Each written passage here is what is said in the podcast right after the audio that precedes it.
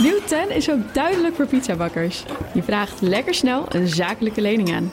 Net zo snel als dat ik mijn pizza's bezorg. Duidelijk voor ondernemers. Nieuw 10. Je doelen dichterbij. Een initiatief van ABN AMRO.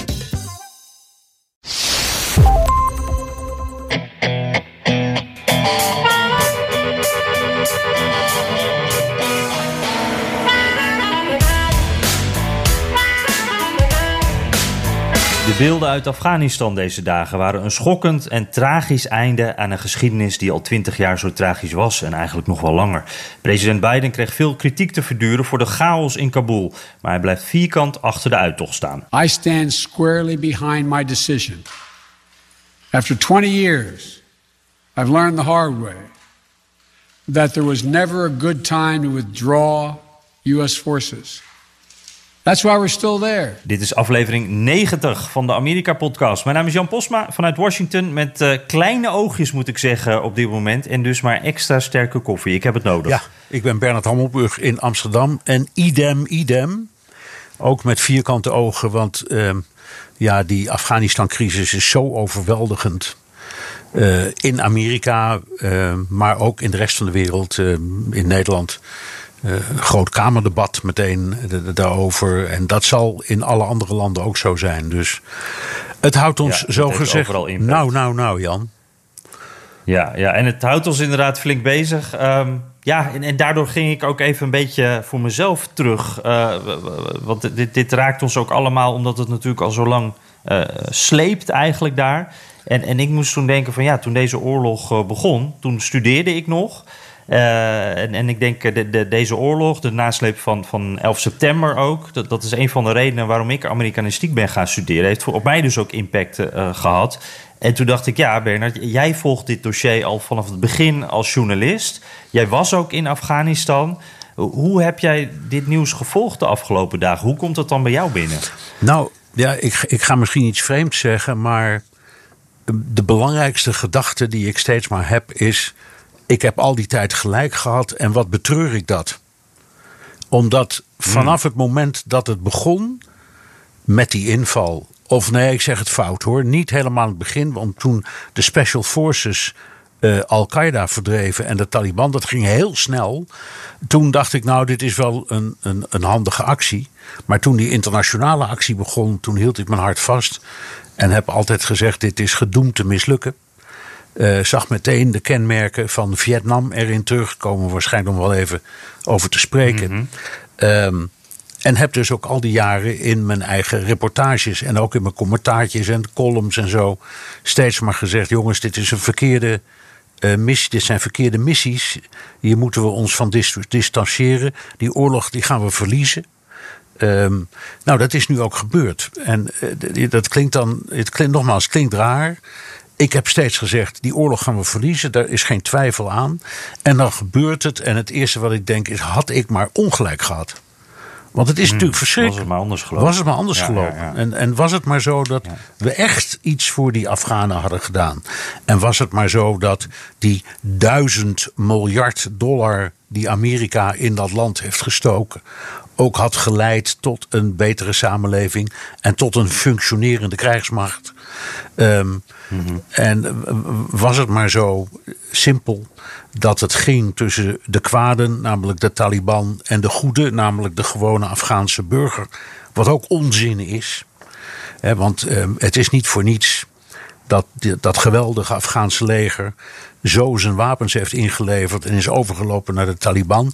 Dus misschien, misschien is de gewone Afghaan ook wel een beetje Taliban zelf. Al die dingen die hebben we niet goed bekeken. En het is een heel, Nee. een heel eh, trieste, nare eh, periode. En ik, ik trek het me zeer aan, ik kan niet anders zeggen. Ik, ik vind het, het Ja. heeft allemaal iets hartverscheurends.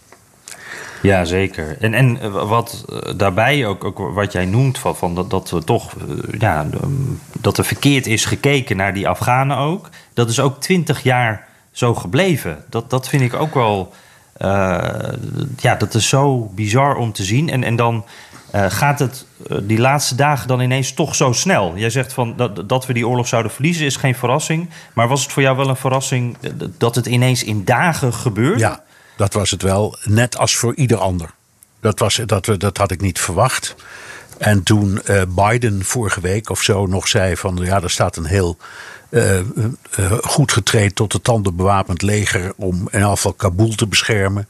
Toen dacht ik, nou ja, ze zullen niet in één keer doorstoten naar Kabul.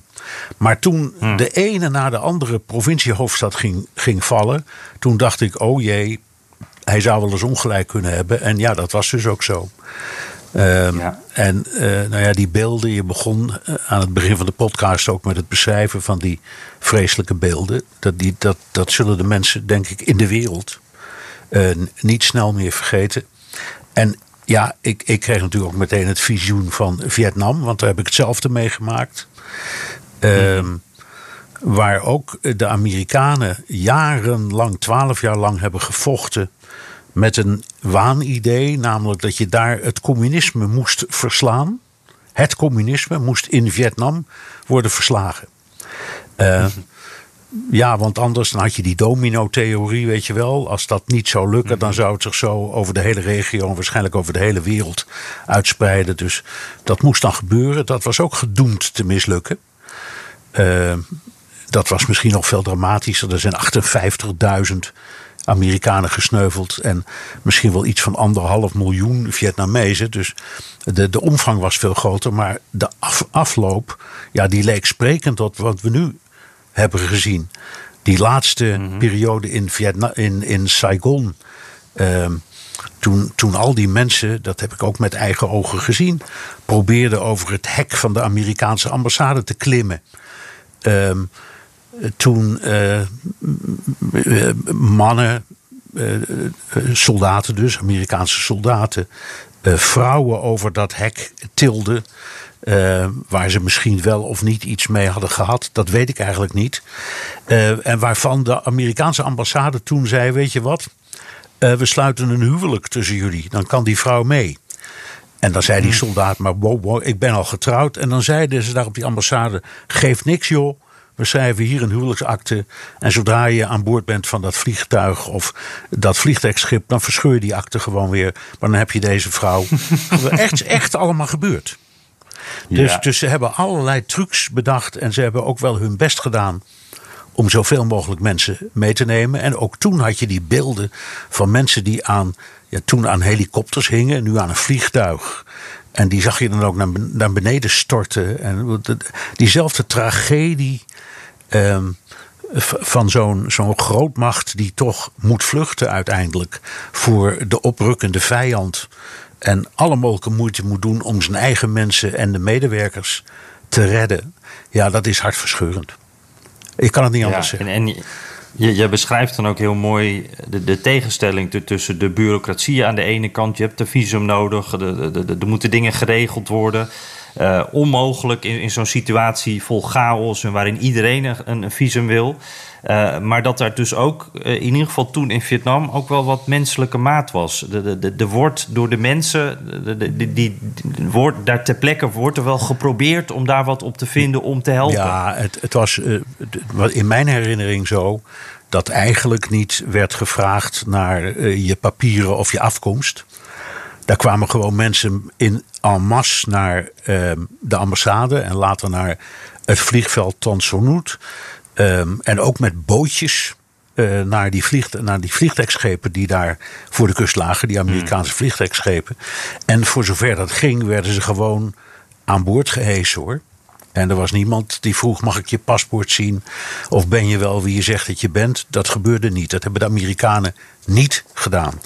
Uh, maar ja, in Nederland, daar ging het Kamerdebat uh, van uh, onze opnamedag, hè, dat is dinsdag, mm. eigenlijk helemaal over uh, ja, die procedure en die tolken. En als je, moet je dan, als er tolken mee mogen komen, niet ook de chauffeurs meenemen en de koks en de administratieve hulpjes en noem maar, maar op. En de, en de bewaking. En het antwoord is natuurlijk ja. Al die mensen die waren ook geassocieerd met de Nederlandse ambassade, maar ook met andere westerse ambassades. Ehm, en Nederland heeft daar een, ja, een soort van kneuterigheid in. En in dat Kamerdebat zag je ook uh, de voor de hand liggende vragen komen van ja, we gaan toch niet weer de poort openzetten voor de nieuwe golf um, foute immigranten. Uh, net mm. zoals we dat met de Syriërs fout hebben gedaan. Nou, het is duidelijk uit welke hoek dat soort opmerkingen kwamen. Uh, mm. Ik moet zeggen, ehm, ik vind de manier waarop andere Europese landen en ook Amerika dit uh, aanpakken, ook in communicatie, beter. Uh, Biden, daar gaan we nog wel over hebben, met alle fouten die hij misschien heeft gemaakt in de afgelopen periode in deze kwestie. Toen het misging, heeft hij onmiddellijk gezegd: wij halen, nou ja, iedereen eruit die ook maar iets met ons te maken heeft gehad. En ook anderen die eruit willen. En ik geloof dat hij meteen het getal noemde van iets van 30.000 immigranten die welkom waren.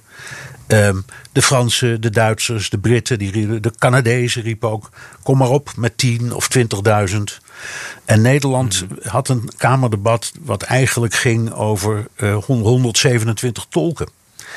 Dat, ja. ja dat, dat, dat, vond ik wel heel erg schrijnend bij elkaar afsteken. Want op zo'n moment eh, je moet niet alleen maar denken aan de mensen die daar je hebben geholpen en die dus ter plaatse worden gezien als collaborateurs en verraders. Maar je moet ook het, het, het deel van het volk zien dat dit regime niet wil en het probeert te ontvluchten. En ook mhm. die mensen zijn wij iets verplicht. We zijn daarheen gegaan als bondgenoten. Mm En we hebben ze van alles voorgehouden en aangeboden. En bij allerlei processen geholpen. Democratisering, het opzetten van een rechtbank. Allemaal dingen die niet zijn gelukt. Maar dat was wel de intentie. Dus we hebben ons gepresenteerd als vrienden. En als die vrienden dan in nood zijn, dan moet je niet plotseling zeggen: wacht even, even de regeltjes nakijken. Ja, dat kan zomaar niet. Die kunnen niet zomaar komen. Dan moet eerst een formulier ingevuld of een bewijs van, eh, nou ja, noem maar wat op. En dan is er ook de complicatie, dat werd aan het Kamerdebat ook gezegd. Je bent ook afhankelijk van de andere kant. Want de, de, de, de officiële Afghaanse regering, dus tot een paar dagen geleden. En nu ook de Taliban, voor zover we kunnen zien. Die eisen van mensen die naar dat vliegveld willen. een legitimatiebewijs, een, een paspoort. En uh, als dat niet is, dan laten ze die mensen gewoon niet door. Dus het is een dubbel probleem. Hmm.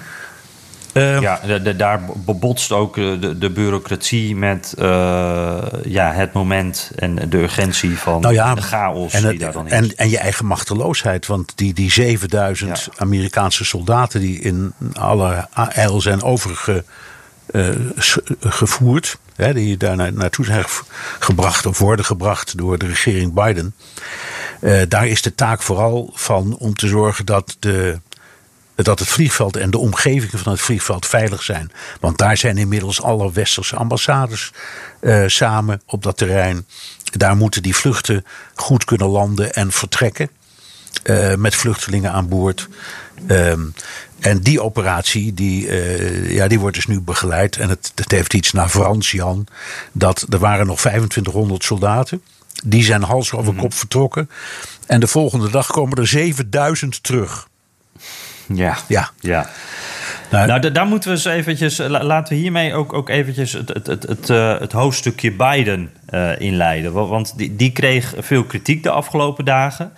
Um, we, ja, we hebben het net al een beetje zo beschreven. De Taliban die veel sneller opstoomde dan voorspelde. Het, duurde geen maanden, maar dagen. Uh, de vreselijke beelden. Uh, ja, en, en Biden ging ook even kort in op die, die snelle uh, opkomst van de Taliban. The truth is, this did unfold more quickly than we had anticipated. So what's happened? Afghanistan political leaders gave up and fled the country. The Afghan military collapsed, sometime without trying to fight. If anything, the developments of the past week reinforced that ending U.S. military involvement in Afghanistan now was the right decision. Ja, dat was uh, tijdens de, de, ja, ik wil zeggen persconferentie, maar dat was het eigenlijk helemaal niet. Het was een toespraak die hij hield. Hij beantwoordde geen vragen na afloop. Dat was uh, nou, voor onze opname gisteren, uh, op maandagavond. En Bernard, er vielen me een paar dingen op.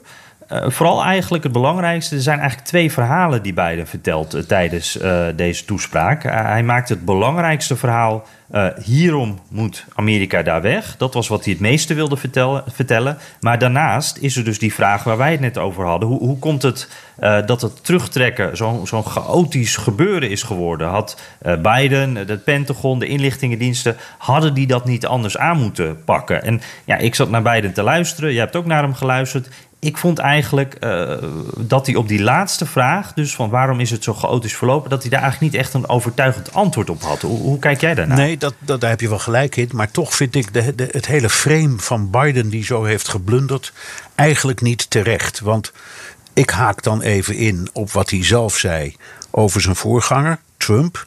Die had mhm. gezegd: ja, we, we willen eigenlijk op 1 mei 2021 al weg zijn. Nou, hij heeft het nog iets uitgerekt. Maar hij was het eens met die beslissing. En het voornemen om dat te doen, dat dateerde al van Obama. Dus zowel mhm. Obama als Trump als Biden wilden alle drie weg uit Afghanistan. Stoppen met dat geld gooien naar een zinloos project. Eh, stoppen te, te vechten in een oorlog waarvan je steeds beter kon zien dat je hem niet kon winnen en uiteindelijk ook zou verliezen. Uh, En dan is het moment waarop je dat doet altijd fout.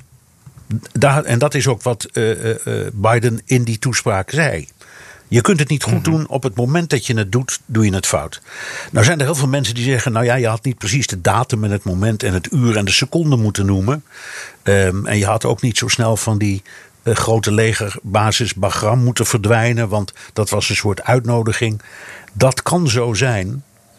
Maar ook als dat niet was gebeurd, dan eh, hadden die Taliban, want dat blijkt echt uit hun superieure slagkracht en macht, toch heel snel gewonnen. Dus uh, mm ik, ik vind de, de, de, de kritiek op Obama begrijpelijk. Uh, maar ik vind hem niet helemaal terecht. Hij heeft uitgevoerd wat hij zelf altijd had beloofd en gezegd. Ik ga het doen. De anderen wilden het en is het niet gelukt. Ik doe het gewoon. Uh, en ja, dan zie je natuurlijk uh, woedende reacties in uh, zijn eigen partij, de Democraten. Die vinden dat hij uh, ja, nou ja, de wereld in de steek heeft gelaten. Ook de Republikeinen, mm -hmm. ook de bondgenoten. Ze zijn allemaal boos. Maar Jan, die toespraak die was natuurlijk helemaal niet bedoeld voor de wereld. Of voor jou en mij als journalisten. Of voor Sigrid Kaag in Den Haag. Hij was bedoeld voor de gewone Amerikaan. En ik ben ervan overtuigd dat de gewone Amerikaan, dat hebben we vorige week, heb jij dat geloof ik ook uh, opgezocht in peilingen en zo, dat van de gewone Amerikanen iets van, van 70 of 72 procent dit wil. Ja, ja klopt. En, en, ja, en, even, uh, ja, en Angela ja. Merkel zei. Um, de, deze toespraak, wat, wat, wat, Obama, nee, wat, wat uh, Biden doet, dat is ingegeven door binnenlandse politieke overwegingen. Gelijk had ze, klopte ook. Mhm. En hij heeft geluisterd. Dat, dat is een beetje mijn, uh, uh, mijn analyse van wat er is gebeurd. Ik vind het goedkoop en ik vind het ook, eerlijk gezegd, uh, kortzichtig om het alleen maar aan Biden ehm, te, te, te verwijten. We waren er zelf mhm. ook. Wat hebben wij zelf eigenlijk ja. gedaan om op tijd te zorgen dat we gereed waren voor een machtsoverdracht? Uh, wat heeft ja, nee, maar, de NAVO ik, gedaan? Ik, wat heeft de EU gedaan? Niks. Ja, maar, maar ik denk toch dat, dat we deze twee dingen uit elkaar moeten trekken. Dat je hebt aan de ene kant de noodzaak om daar weg te gaan. En daarin heeft helemaal wat jij zegt, inderdaad, die Amerikanen zijn oorlogsmoe, die hebben er geen zin meer in. Al heel lang niet meer. Uh, Obama wilde dit al. Trump maakte de afspraken. Biden doet het nu. Dat, dat is eigenlijk wat er nu gebeurt. Dat is helemaal waar. Maar daarnaast kan je toch wel uh, uh, kritiek hebben op de uitvoering. Want op wat voor manier het ook had moeten gebeuren de VS met dat machtige leger, uh, waarvan er ook heel veel in de buurt daar zit, die je makkelijk kan inzetten. Dat is wel gebleken dat er nu weer 6.000, 7.000 man uh, daar rondlopen. Die hadden toch veel meer de regie kunnen pakken. En we hebben, nou wat was het, vijf weken geleden dat Biden nog zei, nou, eh, dat helikopters uh, mensen van, uit de ambassade gaan evacueren, zoals in Saigon, dat gaan we hier niet zien. Het Witte Huis heeft toch daar wel een verkeerde inschatting gemaakt. Die hebben dat nooit zo blijkbaar zien aankomen. Ja, daar heb je helemaal gelijk in. Niemand heeft het zien aankomen. Uh, en dan kun je zeggen, nou ja, ja, dat de AIVD of de Nederlandse Militaire Inlichtingendienst het niet door had. Dat kun je je voorstellen, want we zijn maar een klein, klein land. Maar Amerika is het grootste land. Is in dit hele project vanaf 2001 de aanvoerder geweest. Heeft die machtige CIA en militaire inlichtingendienst, die hadden dit toch beter moeten uh, beoordelen. Het antwoord is ja, mm -hmm. dat ben ik met je eens. En ik denk dat iedereen dat vindt. Uh, en ik denk dat Biden het er ook niet eens mee oneens zou zijn als je het zo stelt. En hij heeft het ook toegegeven in die toespraak. Uh, ik, ja. ik, ik, ben ook ja. totaal uh, overrompeld door de snelheid waarmee het begon. Dat neemt niet weg dat het verwijt terecht is aan de opperbevelhebber, en dat is Joe Biden, dat hij ervoor had moeten zorgen dat zijn diensten beter op de hoogte waren van uh, wat ze te wachten stond. Uh, en die verplichting, ja. Die, die, die verplichting die vind ik ook, heeft ook een morele kant. Want uh, het was een deal met de uh, bondgenoten, waaronder Nederland. En die bondgenoten hadden, genoten hadden ook recht op een waarschuwing op tijd. Dus ja, daar is duidelijk geblunderd. Er is geen twijfel over. Heb jij daar Nee, ik, ik, niemand heeft het antwoord hierop. Maar ik vraag het toch even aan je. Heb, heb je hier een verklaring voor? Hoe kan dat nou? Dit is de vraag die overal hier gesteld ja. wordt. Dus... Nou, de, de, net als de rest van de wereld weet ik het ook niet precies. Je kan er alleen maar naar, naar gissen. Een van de dingen die duidelijk is, is dat in die laatste fase het Afghaanse leger, waarvan ik altijd heb gezegd dat dat uh, een fantoom was. He, er, er, waren wel mannen in, in, prachtige uniforms en met allerlei onderscheidingen uh, op de borst. Uh, maar van militaire zaken wilden ze niks weten en hadden ze ook geen verstand. Daar, daar hebben de Amerikanen die beroemde duizend miljard dollar in geïnvesteerd. In een leger dat er niet was. En in die laatste weken bleek dat ook te zo te zijn. Want waar die Taliban ook kwamen, leverden die uh, soldaten onmiddellijk hun materieel in of ze liepen over, of ze lieten hun materieel achter en uh, gingen er vandoor. Uh. Dus dat leger is in, in een hele korte tijd, in een paar dagen tijd kun je zeggen, gewoon verdampt.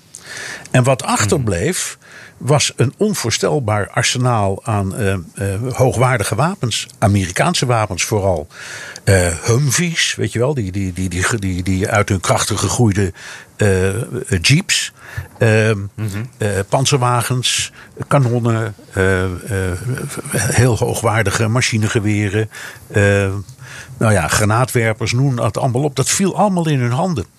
Uh, en ze hadden in die periode dat ze bezig zijn, en dat is al heel lang, inmiddels wel goed geleerd hoe je met die spullen om moet gaan. Dus mm-hmm. het enige wat ze eigenlijk niet hadden was een luchtmacht. Uh, maar voor de rest is het een zeer goed, ge goed getraind, tot de tanden bewapend, zij het zeer klein leger. Want ik geloof dat zijn maar iets van 70.000 man. Mm-hmm. Uh, maar ik denk dat dat de grootste misrekening is geweest. Uh, we, zijn, we zijn het allemaal blijven zien als een guerrilla-beweging die zo'n beetje in de bosjes zat en af en toe een bermbom ergens neerlegde. Maar op het laatst was het gewoon echt een heel goed getraind en georganiseerd uh, leger met uitstekende apparatuur. En dan kan je dus ook zeggen dat aan de andere kant, het Afghaanse leger, dat daar eigenlijk de afgelopen twintig jaar is gebouwd met Amerikaans geld en Amerikaans materiaal aan een soort luchtkasteel van een leger. Ja. Dat, dat wel alle kenmerken heeft, behalve de echte wilskracht, overtuiging. Ja, dat is ook zo. En ik, ik heb ook. Um, ja, ik heb, ik heb het leger zien trainen in Afghanistan. Dat is best een aardig verhaal uh, om even te vertellen. Ik, ik, ik was mm -hmm. um, door de NAVO meegenomen naar een training. En nou, dan moet je zien hoe, hoe geweldig we dat allemaal doen. Hè. Dat waren toen ja. een heleboel landen samen die die trainingen gaven. En dat was wel heel koddig. Als doelwit bij de oefening werd het huis gebruikt waar Osama bin Laden zat tijdens 9-11. Hmm. Dus de symboliek Nou ja, ik schoot in de lach, maar zij vonden dat allemaal heel belangrijk dat het daar gebeurde. Heel subtiel. Heel subtiel. ja. Enfin, daar, daar, daar kreeg je dus eh, van die soldaten die oefenden met geweren waar kleuren uitkomen. Hè. De goeie zijn groen en de fouten zijn rood. En dan kun je precies zien wie, wie doodschiet. En daar stond ik dus te kijken en dat was best goed georganiseerd. En toen stootte een soldaat mij aan die daarnaast stond. En dat bleek een Australiër te zijn. En die zei: Hey mate. Ik zeg ja. En hij zegt: Hey mate, you're in the wrong place. Ik zeg: Wat bedoel je nou? Hij zegt: Je staat naar het verkeerde, verkeerde oefening te kijken. Dit zijn officieren die hier aan het oefenen zijn. En haalt je de donder, ja, die kunnen het wel. Maar je moet hier even aan de andere kant van de heuvel gaan kijken. En dan zie je hoe die door het Westen opgeleide officieren trainen met hun eigen manschappen. En dat is één grote puinhoop. En dat was ook zo. Ik ben gaan kijken. Nou, dat was niet te geloven. Dat was een complete ratje toe. Die mensen die konden ook eh, meestal niet lezen en schrijven. Ze, konden, eh, ze konden, konden niet kaart lezen. Ze konden niet met een kompas omgaan. Ze konden van alles niet. En dat Ja. was dan. Maar je kon ze wel in mooie uniformen eh, stoppen. En dan, dan leek het wel wat hoor. En geef ze een geweer in de hand. En dan zijn het trotse strijders geworden. Eh, Ja. Maar dat was een beetje het, zoals dat Af- Afghaanse leger. En de- dit, dit verhaal dit speelt, nou ja, misschien wel twaalf jaar geleden of zo. En daar heb ik toen ook uitvoerig over gerapporteerd op BNR. Grote stukken geschreven in het Financieel Dagblad. Ehm, en ik was echt niet de enige die dat eh, eh, was opgevallen. Ik- sliep in Mazar Sharif, dus die grote stad die, waar die grote Duitse basis was. een nacht in, in, op zo'n bunkbed, zoals dat hoort, in een, eh, in een kazerne. En onder mij sliep een, eh, een eh, kolonel, een Duitse kolonel van de troepen die daar zaten. En daar heb ik een hele tijd mee gepraat voordat we het licht uitdeden. En daar zei ik ook tegen, kolonel, waar kijk ik naar als ik hier rondloop? En die heeft mij dat woord meegegeven. Hij zei, vriend, je kijkt naar een fantoom. Je kijkt naar iets dat niet bestaat. Nooit vergeten. Ja, Ja. ja. dat is een hele mooie term. Ja. Hey, Ik, ik, eh, als, als ik, Ja. ja, ja. nee, ga je gang. Nou, ik wou, wou daar nog één ding, eh, want we gaan het zo nog, nog eventjes over hebben, over hoe Amerikaanse Precies. veteranen er tegenaan kijken. Maar er is nog één dingetje wa- wa- wat hier wel echt heel mooi eh, bij aansluit. Een, van die, ik, nou goed, ik gaan we het zo dus wat langer over hebben, maar ik heb wat veteranen gesproken, Amerikaanse veteranen, die in Afghanistan zijn geweest. Waaronder ook eentje, die, die heet Felix, die, was er vier keer. Eerste keer met die invasiemacht in 2001. En die, die vertelde dus over eh, die, Afghaanse soldaten, eh, waar jij het ook net over hebt, over de corruptie daar. Die vertelde over hoe eh, ja, ze soms maanden geen eh, geld, geen, loon kregen, omdat dat allemaal dan bij een of andere warlord of, of eh, eh, eh, ja, i- i- iemand achterbleef. En die, die liep dan met een zak eh, dollars eh, over straat, bij wijze van spreken. En die Afghaanse soldaten kregen niets. Maar wat me bijbleef, en daar moest ik nu even aan denken. eh, hij vertelde ook hoe Afghaanse soldaten geen veters in hun schoenen deden. Of die schoenen in ieder geval niet, van die legerkistjes, niet vastmaakten. En dat verbaasde hem heel erg. Want ja, eh, als je weg moet komen, dan, moet je, ja, dan heb je grip nodig. Dan heb je dat juist wel. Heb je die schoenen nodig. En hij zei, de reden was, als de Taliban komt, eh, dan willen deze mannen klaar, snel hun uniform uit kunnen doen, zodat ze niet eh, wat militairen lijken. En eh, ja, als je dan je veters vast hebt gemaakt, dan zie je het randje van de schoen in je huid staan. En dan kunnen ze dus zien dat je eigenlijk die Amerikaanse legerkistjes aan had en dat jij dus een militair bent. En dat wilden ze niet. En dat vond ik wel heel beeldend bij ja, die, die, die, die, het gevoel dat Amerika of Afghaanse soldaten, eh, niet allemaal natuurlijk, maar wel wat een deel had eh, in dat eh, door Amerikanen gemaakte leger. Ja, ja. Ehm, Jan, je, je was deze week bij het Witte Huis. Ehm, en daar heb je ook Afghaanse Amerikanen zien protesteren. Overigens, even voor de duidelijkheid, er wonen in Nederland nu ook al iets van 50.000 Afghanen. Hè? Dus we hebben er ook heel veel in Nederland. Maar goed, jij hebt dan voor het Witte Huis die mensen zien protesteren. Wat, wat was hun verhaal? Ja, ik, ik, eh, ik vond dat dat was vooral een emotioneel verhaal wat ze vertelden. Eh, ze zijn boos, ze zijn bang. Terwijl ik daar was, dat was op, op zondagavond, toen was Biden in Camp David. Daar is hij nu weer trouwens. Hij was even voor zijn toespraak terug naar het Witte Huis. dus Biden die heeft daar niets van meegekregen. Maar er stond daar een paar honderd man in Lafayette Park. Dat parkje tegenover het Witte Huis, heel dichtbij. allemaal Afghaanse vlaggen, protestborden, er waren toespraken. En het ging eigenlijk over twee dingen. Ehm, Biden, uh, op een paar protestborden kreeg Biden de flink uh, verlangs. Biden, je hebt ons verraden. ons bloed aan jullie handen. Dat, dat, dat, was wat er op borden stond. En er was ook echt angst. Want iedereen die ik sprak heeft daar natuurlijk familie, heeft daar vrienden zitten. die zitten ook naar de televisie te kijken. En die weten niet wat daar gebeurt. Die zijn allemaal druk aan het WhatsAppen en aan het bellen, zover dat kan. En uh, nou, ik, ik, wil je even een stukje laten horen. Uh, Zaire hoor je zo. En eerst uh, Shafika, wiens moeder op familiebezoek was in Afghanistan.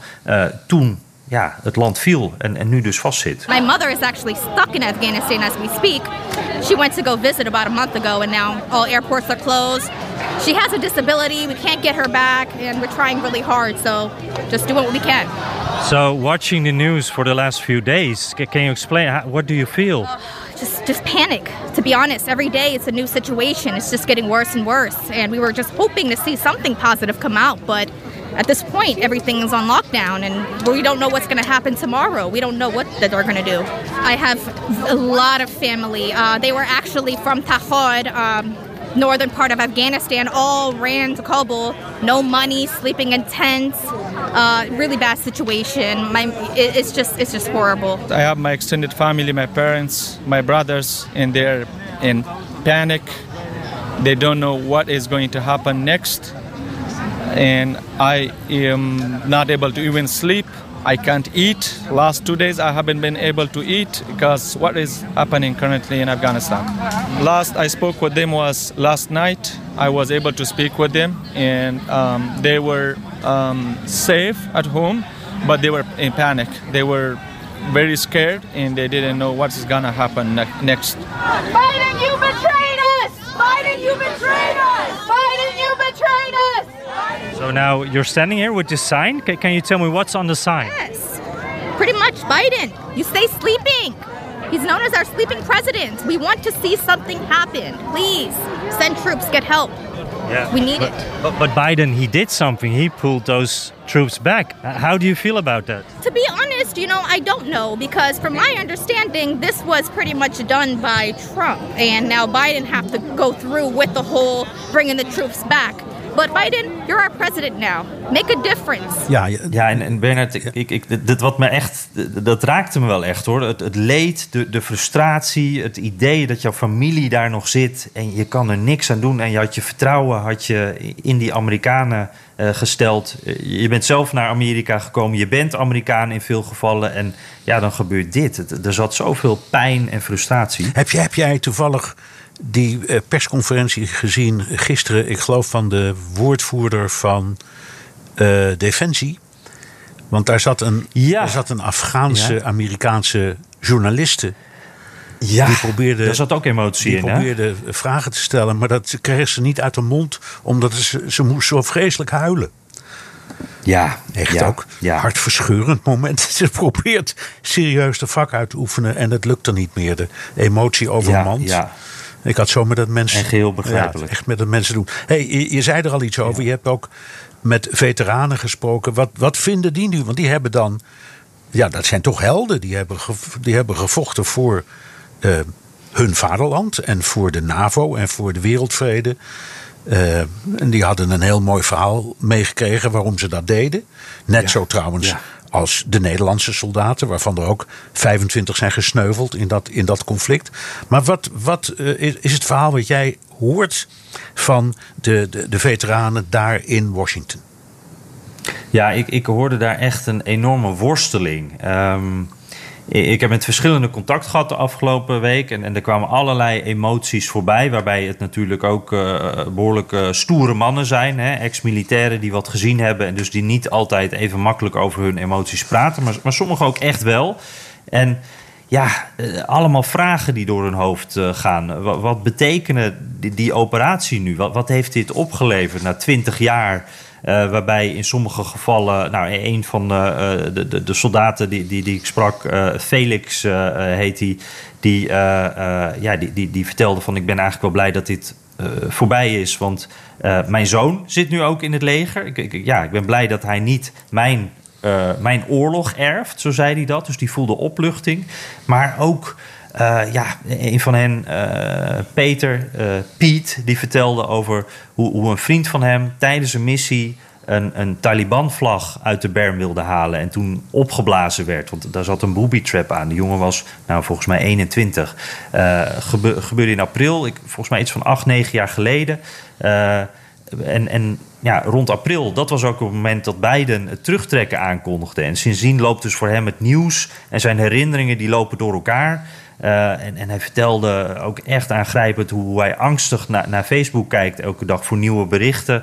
Want ja, eh, collega's met depressies, eh, zelfmoorden, dat, dat is echt, het komt zo regelmatig voor. Dus die hele gemeenschap, ja, een be- een beetje een onzichtbare gemeenschap van Afghanistan-veteranen, die overal in Amerika natuurlijk zijn neergestreken, die een nieuw leven proberen op te bouwen. En die dit allemaal met, met pijn en met de worsteling be- bekijken. Eh, en ik, ik vond wel een, een rode draad daarin. Eh, ze hebben natuurlijk allemaal hun eigen verhaal en hun eigen inzichten. Maar wat ik echt wel het meeste terug hoorde komen... was toch het verhaal wat Biden ook vertelde. Want we zaten daar al te lang. Eh, het- zou echt niet beter worden. We moesten daar eh, echt wel weg. Er was eigenlijk geen redden aan. Ik vertelde je net al over Felix en, en, de, eh, de schoenen die, die Oh, niet, eh, eh, waar geen veters in zaten.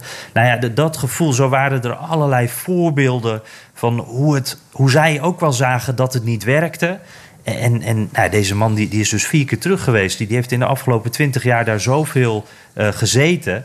En die wist eigenlijk altijd wel in zijn hart van... ja, dit, dit, dit gaat hem gewoon niet worden. Dit gaat niet werken. Het zijn geen mini-Amerikanen, die Afghanen. We kunnen ze wel vertellen wat wij vinden dat de beste manier is... maar zij zien dat niet Nee. zo. Wat één ding wat me wel opviel, en je moet maar even kijken wat jij daarvan vindt. Maar ik heb de indruk dat de Amerikaan de eh, Afghanistan-veteraan wel met respect behandelt. Ja, Ja, en dat- ik, dat- ja, klopt. ik, Dat- zeg het ja, omdat want ja. dat is echt een, een groot verschil met Vietnam. De veteranen die daar vandaan kwamen, die werden met de nek aangekeken en uitgescholden voor massamoordenaars. Eh, Wat natuurlijk verschrikkelijk is. Eh, vooral omdat een hele grote groep eh, nog in, was gestuurd toen er nog dienstplicht was in de Verenigde Staten. Maar dat is gelukkig nu niet het geval. Hè? Er is wel respect. Jazeker, dat, dat, dat, dat hoorde ik ook wel. Dat, ehm, eigenlijk sinds 11 september hè, is het ook... eh, je, kan niet naar een theatervoorstelling... en, en dan eh, moeten de, de troepen bedankt worden... en dan staat iedereen... op- of dan moeten die opstaan en dan worden ze bedankt. Wat ik wel hoorde inderdaad... Het, het, het- het- mensen bedanken constant. eh, thank you for your service, zeggen ze dan. Er is heel veel respect. Er zijn hele goede regelingen voor eh, soldaten om dus dat leven weer op te pakken. Leningen of, of studies. Eh, d- dus veel mogelijk. Daar waren ze echt lovend over. Naast natuurlijk wel ook, ook nou ja, die, die hulp bij, bij zelfmoorden en nou depressies, dat soort dingen, PTSD. Daar kan nog veel verbeterd worden. Maar wat ze ook wel vertelde over de, de gewone Amerikaan, dat vond ik ook wel heel beeldend. Eh, Eén zei van ja, dan zit ik eh, met mijn eh, militaire rugzak zit ik, eh, in het vliegtuig of eh, op het vliegveld of zo. Eh, daar zit dan een Afghaans vlaggetje op. En, dan, dan, dan vragen mensen van wat is dat voor vlag? Die, die herkennen ze niet meer. En dan vertel je Afghanistan. En dan weten mensen eigenlijk niet, oh, ja, wat doen we daar eigenlijk? Zitten we daar nog? Eh, dus hij zei wel van het Amerikaanse volk is echt is gewoon afgehaakt. Het is niet eens dat ze er een emotie bij voelen. Eh, het, het is gewoon, ze weten het niet meer. Die zijn al lang verder gegaan met hun leven. En dat, dat eh, ja, hoewel er dus wel respect was, deed dat toch ook wel pijn, merkte ik. Ja, wat een verhaal. En, en als ik nog- iets anders, wa- wat ik ook nog wel echt eh, interessant wordt, wat we, jij noemde al de, de, de Afghaanse tolken en de discussie in Nederland. Eh, wat ik ook echt hoorde was een enorme waardering voor die tolken, eh, die de Amerikanen eh, ook hielpen. Ehm, eh, Piet die werd echt boos. Die zei van ja, we moeten die mensen helpen. Want nou, er zijn nu 2000 eh, van, van die Afghanen die zijn overgezet eh, die, naar het buitenland. Maar eh, er zijn er veel meer. Er- zijn schattingen, je hebt ze ook gehoord van, soms wel dat er 90.000 eh, Afghanen zijn die, die, met hun families erbij, dus die, die gevaar lopen en die dat land eigenlijk uit moeten. Dus dat zijn er heel veel. En daar maakte hij zich echt heel boos over. Hij zei van ja, die mensen moeten we helpen. Eigenlijk het pleidooi wat jij ook hield. Uh, en en uh, Felix, die, die ander, die zei van ja, gelukkig een paar van de Afghanen die ik ken, die wonen hier al in de VS. De andere had hij nog contact mee in Afghanistan. Maar toen zei hij iets en dat bleef me ook bij. Hij zei van, er was ook een tolk die ik kende... en die kwam een paar jaar geleden bij hem in de buurt wonen, in Virginia. Vlak buiten Washington D.C. En toen zei hij, daar schrok ik eigenlijk wel van.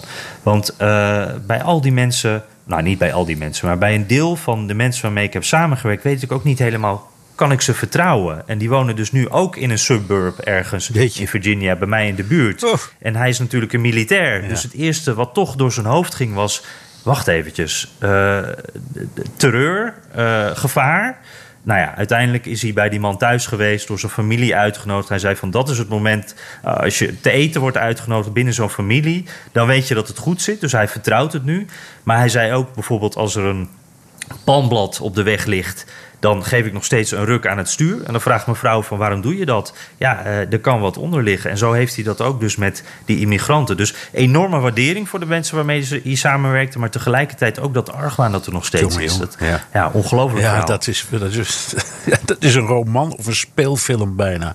Ik zie die twee mensen ja, in, de, ja. in de buurt bij elkaar wonen. En wat denken ze over elkaar.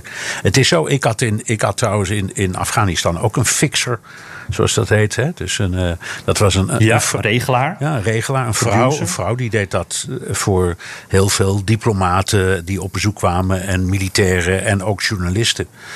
Uh, en die nou, je weet hoe dat is. Dat is geweldig om zo iemand te hebben in een land waar je de, al die talen niet kent.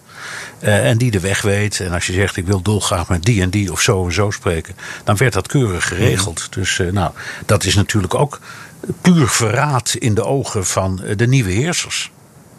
Ja, ja, en terwijl je als journalist heb je echt zo iemand nodig. Ja. Hè? Anders dan, dan in zo'n land. Weet jij wat er met de, die fixer, nee. uh, waar die nu nee. is? Geen idee. Nee, ja. ik, ik, sterker nog, ik, dat klinkt ook heel aardig. Ik weet niet eens meer hoe ze heten.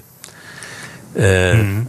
En het, het, het, ze werkte ook voor heel veel mensen tegelijk. Dus het was niet zo dat ik hele dagen met haar optrok.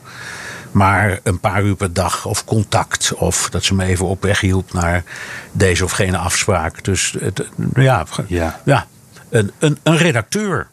Uh, zoals, we, ja, zoals, zoals, we die bij BNR ook hebben. Zo moet je je voorstellen. Uh, maar ik weet het niet.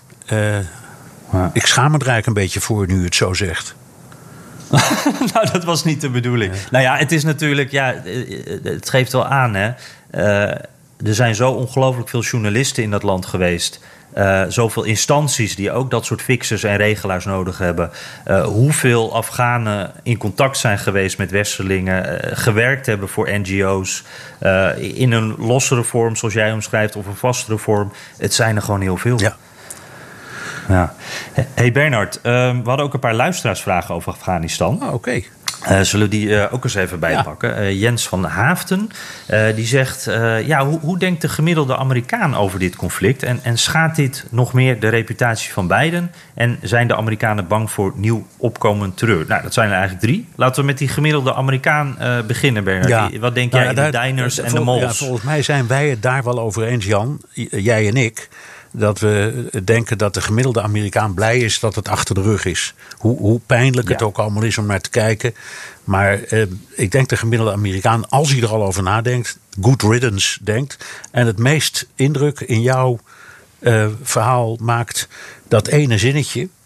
Uh, dat je iemand weet of mensen hoort die denken: Afghanistan, zitten we daar nou nog steeds?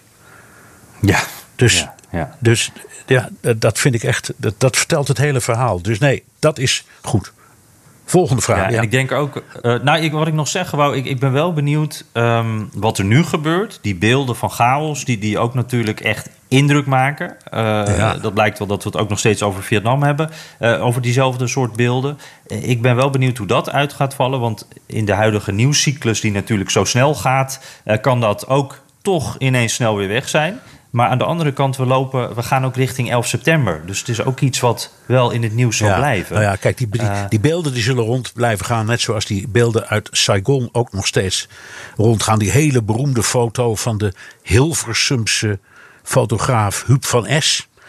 ja, dan zie je- wat een waanzinnig verhaal Ja, is dat. dan- ik wist niet dat dat een Nederlander Ja, was. ik, maar ik heb, waanzinnig ik- verhaal nou, ik heb heel veel, met, heel veel met hem gewerkt in Vietnam. Ah. En daar zie je dus eh, ja, eh, een, een toren met een houten trap... waar allemaal mensen omhoog klimmen om in een helikopter te komen. En ten onrechte was het onderschrift aanvankelijk... dit is de Amerikaanse ambassade. Dat was niet zo. Maar het was Een wel... grote frustratie.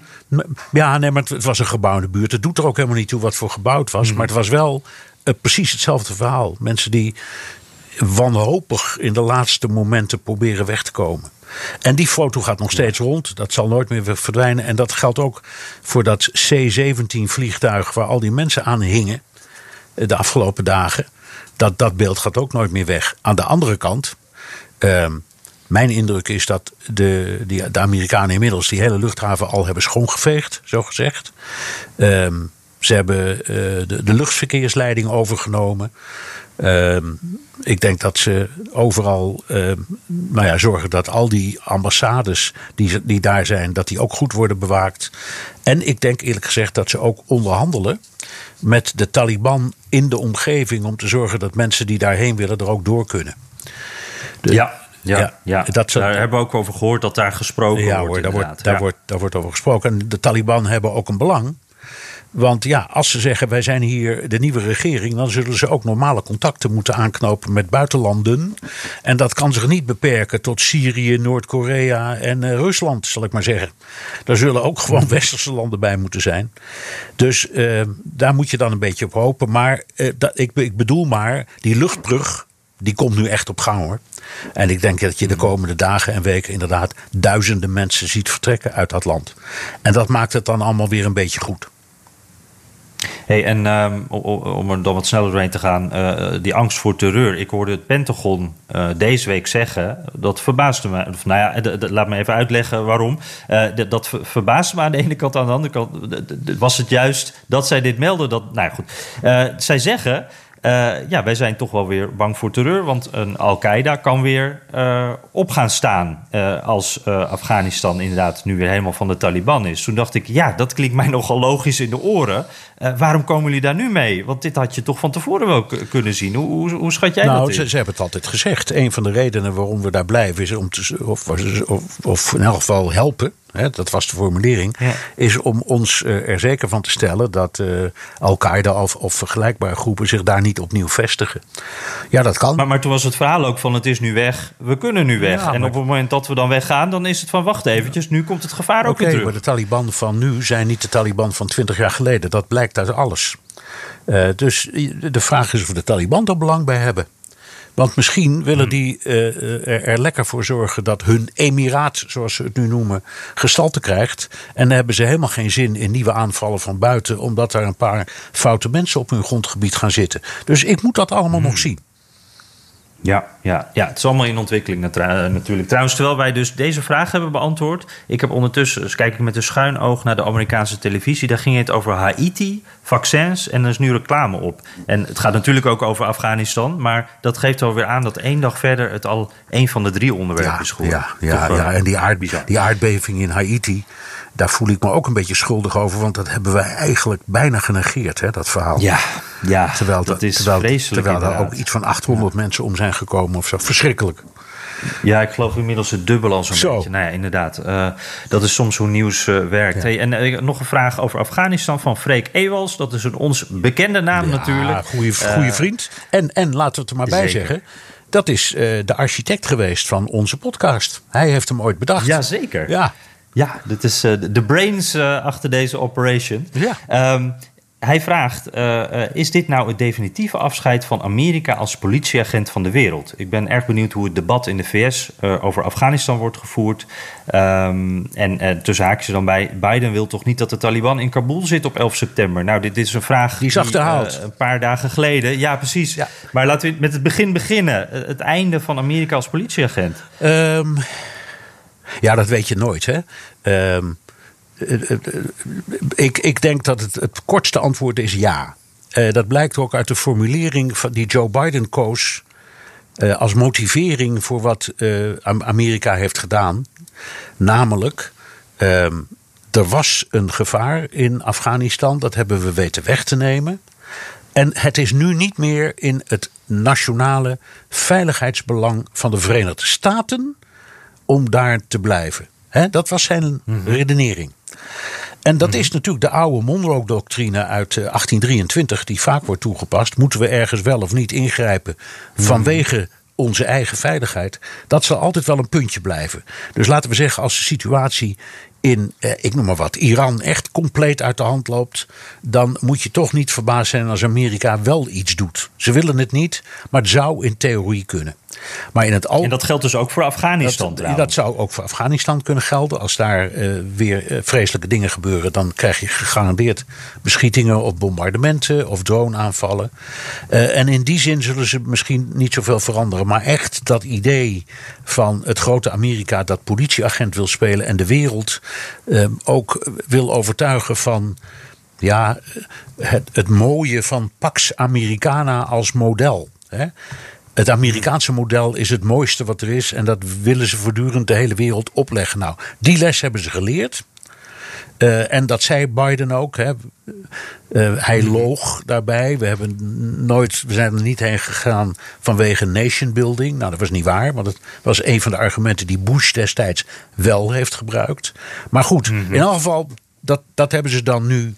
eh, ja, dat is, Ja, ja, Biden hield zijn eigen definitie van die oorlog eigenlijk aan. Hè? Hij, hij, wat hij zelf op dat moment Ja, en dat- niet wat eh, de, de regering Dat is waar. En hij- hij had één argument dat, dat wel terecht is. Want hij was in 2009, toen vroeg ehm, eh, Stanley McChrystal, die ik destijds nog heb ge- geïnterviewd. Dat was de, de bevelhebber van die hele grote internationale stabiliteitsmacht in eh, Afghanistan.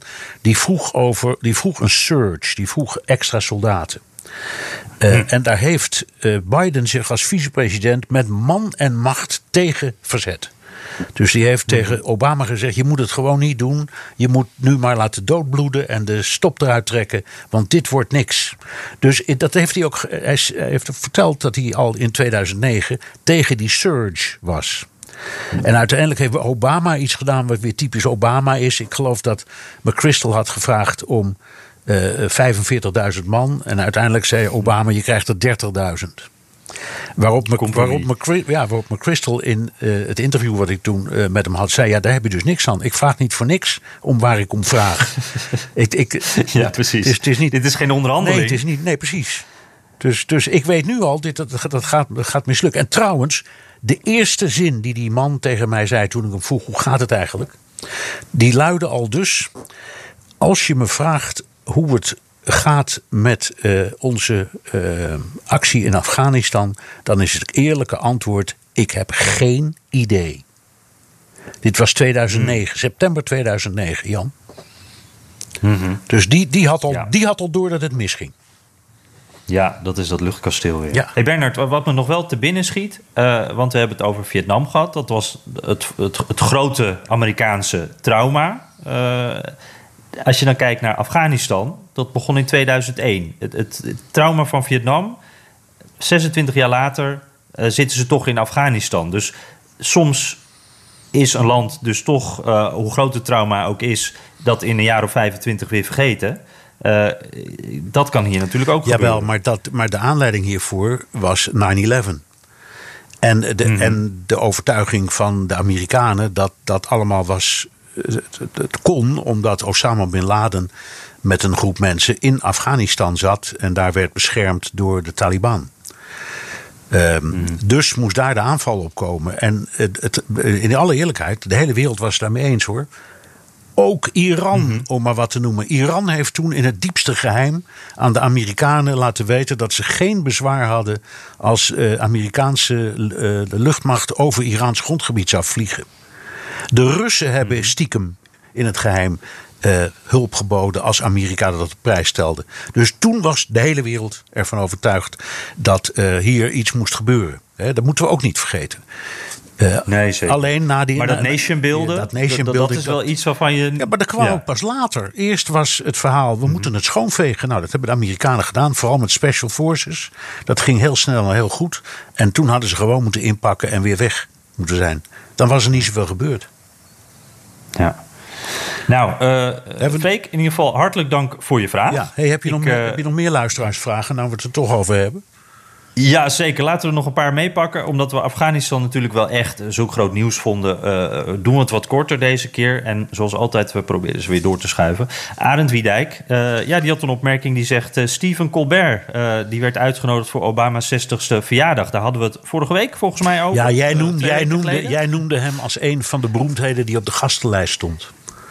Ja, precies. En toen ging het erover eh, dat, nou ja, dat ik vond eh, Obama toondoof. Dat hij eh, toch een groot feest hield in coronatijd. Het voelt inmiddels als een, alsof het vorig jaar is gebeurd met al het nieuws. Maar goed, Arendt die zegt van...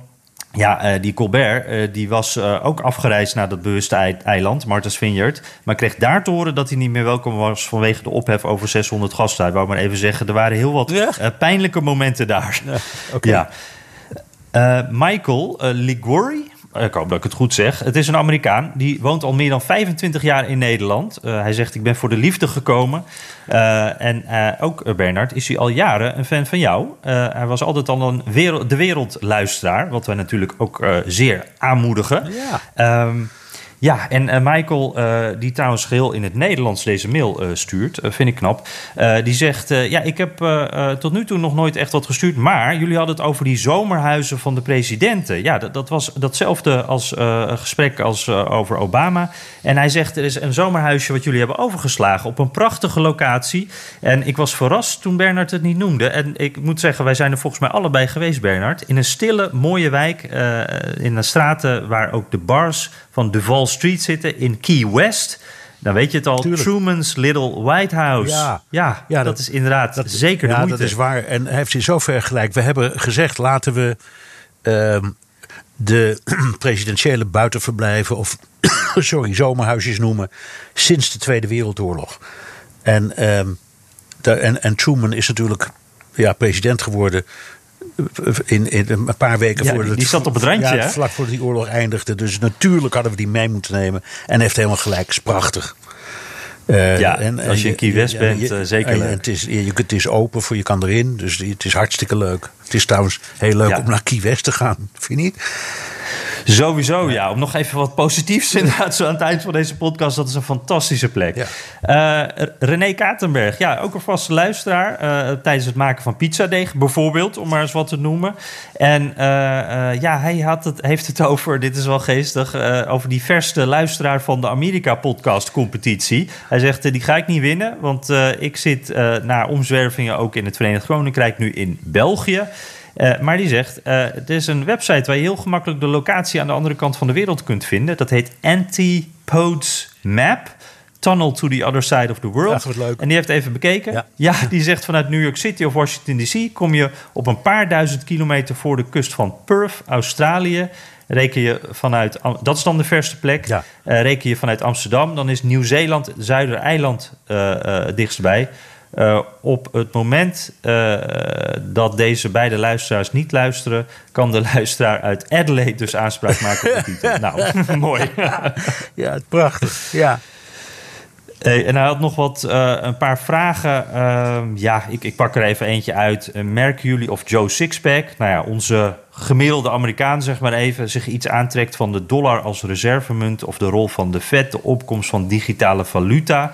Eh, ja, of is dit meer iets waar economen, bankiers eh, zich be- mee bezighouden? Ik moet eerlijk zeggen, ik hoor weinig mensen daarover praten Ja. als ik eh, op straat ga. Jij? Niets. De, de, de kracht van de dollar is voor de Amerikanen geen onderwerp, omdat ze weten dat die bij wijze van spreken eeuwig is. Het doet er niet toe hoe groot de staatsschuld is, die dollar blijft overeind.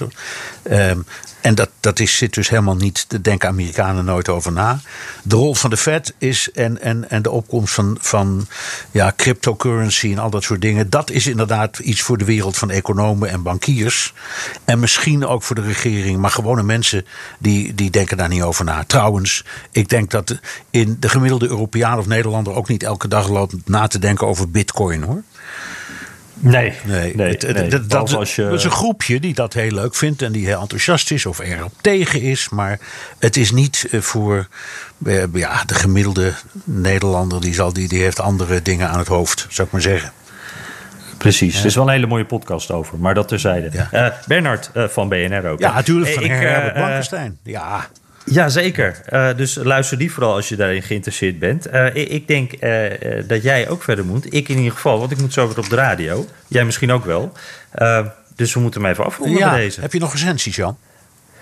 Ja, nee. Eh, ik had wel weer wat hele mooie vakantiegroeten. Onder andere uit de Vogezen met een mooi plekje. Eh, dus dank daarvoor. Maar eh, ik toch even een oproep. Want we hebben die recensies ook echt nodig in Apple Podcasts. Want dan zijn we daar beter te vinden voor nieuwe luisteraars. Dus dat vinden we heel belangrijk. Dus daar help je ons enorm mee. Als je een recensie achterlaat, word je ook hier mogelijk nog even voorgelezen. We vinden het ook gewoon heel erg leuk. En dus doe dat alsjeblieft. En, en vertel ook je vrienden over ons. Helpt ons weer. Terugluisteren kan via de BNR-site, Apple Podcast en Spotify. Heb je vragen, opmerkingen, kritiek of complimenten? Dan kan dat ook met een tweet naar Jan USA of BNR De Wereld of heel ouderwets met een mailtje naar dewereld.bnr.nl. Ja, en laat ons ook even weten, zoals altijd, eh, waar je naar ons luistert en hoe. Eh, is dat bijvoorbeeld eh, in je zwembroek bij het zwembad, zoals hopelijk Freek op dit moment zit, of op een regenachtige camping in de Vogezen. We horen het graag en dat horen we jullie ook. nou, jullie horen ons eigenlijk volgende week weer. Tot volgende week.